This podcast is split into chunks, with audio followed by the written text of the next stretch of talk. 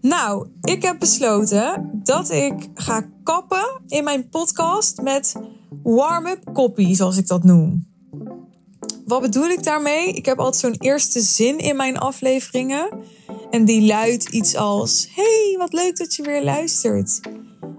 En ik dacht opeens: Suus, als een klant van je dat zou doen en die zou daar feedback op vragen, dan zou je echt zeggen: kap met die warm-up copy. Begin gewoon gelijk met de aandacht trekken. Hè, want dat doe je in, uh, in een video, wil je dat ook doen.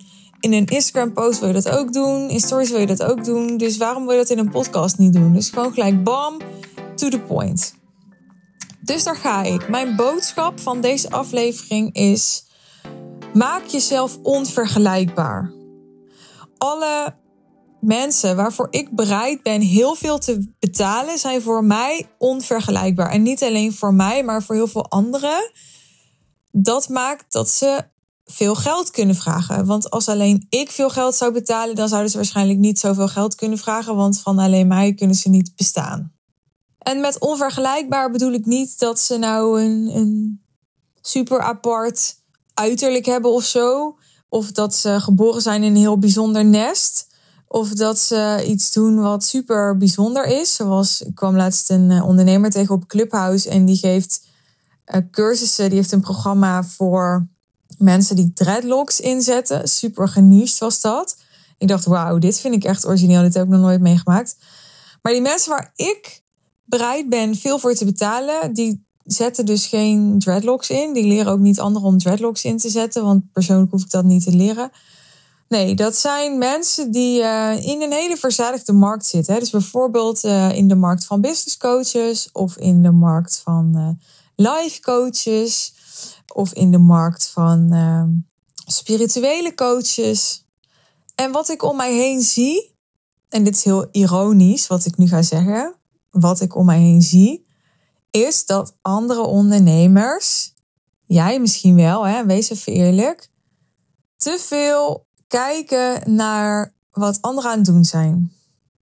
Ja, en ik zei al, dit is ironisch, hè, want ik zeg nu wat ik om me heen zie. Dus wat doe ik dan? Kijken naar wat anderen aan het doen zijn, ja. En dat is zo. Ik kijk naar anderen. Maar er is een verschil tussen kijken naar anderen en kijken naar anderen.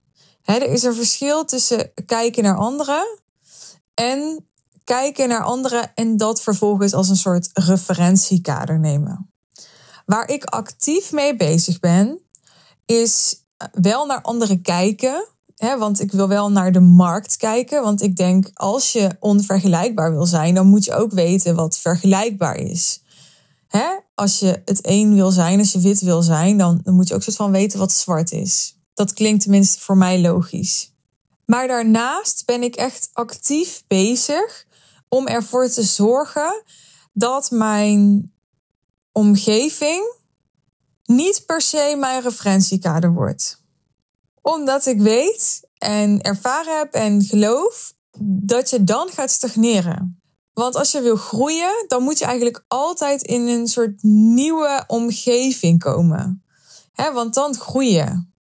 Dus je moet eigenlijk altijd jezelf stretchen door, door mensen op te zoeken die verder zijn. of dat dat nou potentiële klanten zijn of mentoren zijn. Maar je wil eigenlijk altijd ja, jezelf in een nieuwe omgeving plaatsen, zodat jij daar als mens en als ondernemer naartoe kunt groeien. Misschien een beetje gek dat ik het hiermee vergelijk, maar dat doe je ook als je opgroeit als kind je begint op een peuterspeelzaal en dan ga je naar een nieuwe omgeving, de basisschool. En daar groei je dan in. daar word je op een andere manier uitgedaagd. En dan ga je naar de middelbare school en dan ga je waarschijnlijk een studie volgen. Dat zijn ook elke keer nieuwe omgevingen. Voel je dat? En op een gegeven moment zijn we volwassen en dan, dan stoppen we daar een beetje mee.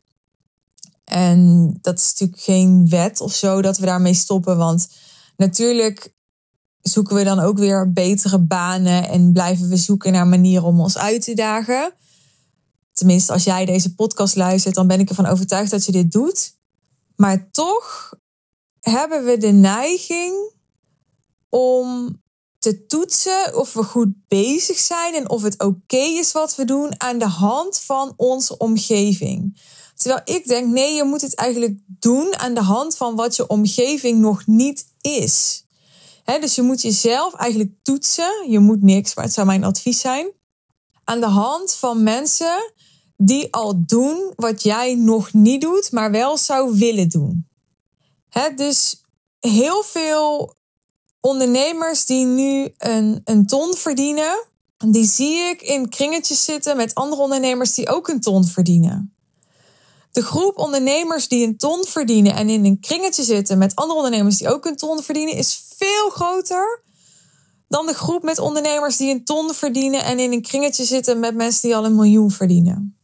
En je zou kunnen zeggen, ja, maar dat is toch logisch, want, want voor die mensen die al een miljoen verdienen, weet je wel, die willen niet met, zijn met mensen die een ton verdienen. Die willen zijn met mensen die, die 2 miljoen verdienen, als je deze theorie verder wil doortrekken.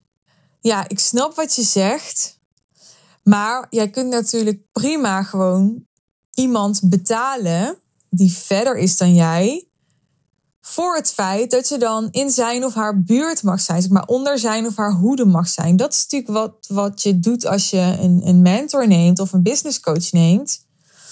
je kiest voor iemand die, die verder is dan jij.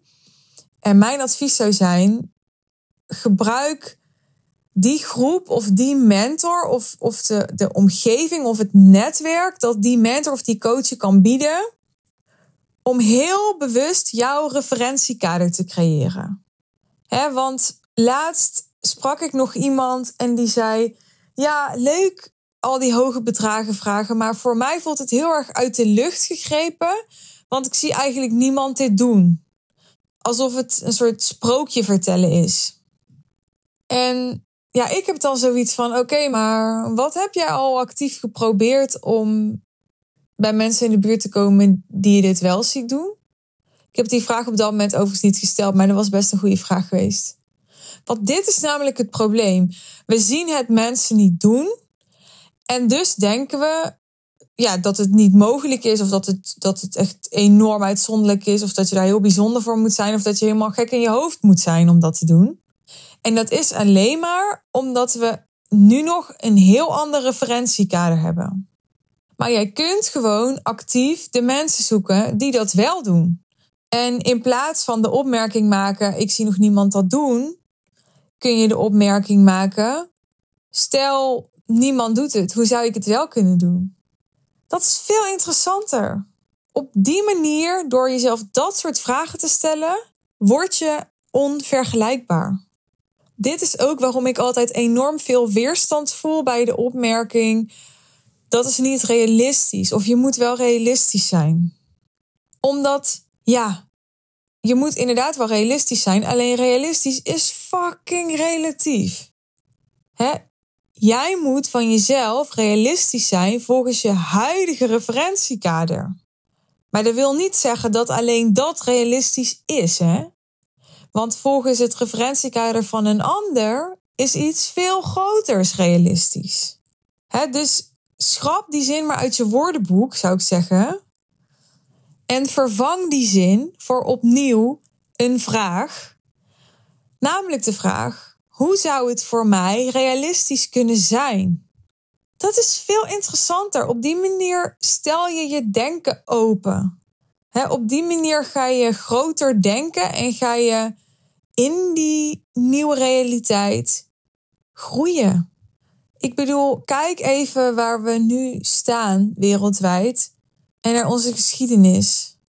Hadden wij 100 jaar geleden gedacht dat internet realistisch was? Nee, toch? Nou, there you go. Even terug naar jezelf onvergelijkbaar maken.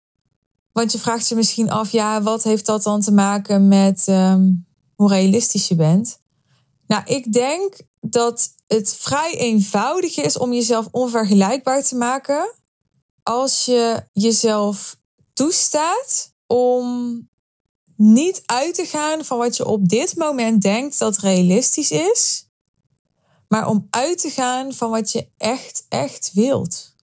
Dit maakt je al onvergelijkbaar, want er is echt bijna niemand die dit doet.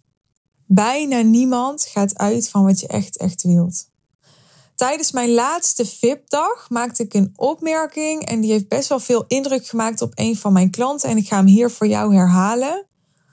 Doe niet wat je geneigd bent te doen, maar doe wat je echt wilt. Denk even wat langer na over deze zin. Wij doen bijna allemaal wat we geneigd zijn te doen. Maar we doen niet wat we echt willen. Om honderdduizend redenen. Ik sprak laatst iemand en zij deelde met mij wat ze echt wilde. En daar kwam bijvoorbeeld het zinnetje achteraan. Maar ik heb mezelf net voorgenomen om wat gas terug te nemen. Oftewel, ik ben geneigd om kleiner te denken, mezelf in te houden, een lager doel te stellen, omdat ik mezelf het verhaal vertel dat dat hoort bij gas terugnemen. Maar dat is maar een verhaal. Er is niemand die zegt dat jij niet kunt bereiken wat je echt wilt, terwijl je ook gas terugneemt. Het is maar wat je verstaat onder gas terugnemen. Het is maar welk verhaal je jezelf vertelt. Het is maar welk referentiekader je hebt. Het is ook maar waar je jezelf mee vergelijkt. Dus maak jezelf onvergelijkbaar en niet door de origineelste te willen zijn. Begrijp me niet verkeerd, dat is iets heel anders. Als er niemand is in jouw niche, dan zou ik heel waakzaam zijn, want dan is er een grote kans dat er geen markt voor is. dus dat is niet wat ik bedoel met onvergelijkbaar. Wat ik bedoel met onvergelijkbaar is dat je doet waarvan andere mensen denken dat het niet mogelijk is, waarvan andere mensen denken dat het niet hoort, waarvan andere mensen iets vinden. Je moet, als je echt op grote schaal mee wilt tellen, zorgen dat mensen iets van je vinden. Dat waar je het meest bang voor bent, afgewezen worden, dat moet je in die fucking eye kijken. En dan word je onvergelijkbaar. Want als jij gaat zeggen wat je echt vindt, als jij gaat doen wat je echt wil, als jij gaat staan voor wat je wil claimen, ongeacht de consequenties, dan word je automatisch onvergelijkbaar. Want er is niemand die dat zo kan als jij. Zolang je dat niet doet, blijf je middenmoot. En dan krijg je middenmoot. Dus ben je er klaar voor om echt onvergelijkbaar te zijn? Niet doordat je haar blauw is, niet doordat je tegen alles en iedereen aanschopt als een rebel, niet doordat je de meest originele marketingvorm hebt gekozen, hoewel dat zeker kan bijdragen, maar omdat jij helemaal gaat doen, gaat staan voor en gaat accepteren wie je echt bent. Ik kan je daar heel goed bij helpen. Wil je dat? Just give me a call. De link naar mijn boekingspagina vind je in de omschrijving. Talk soon.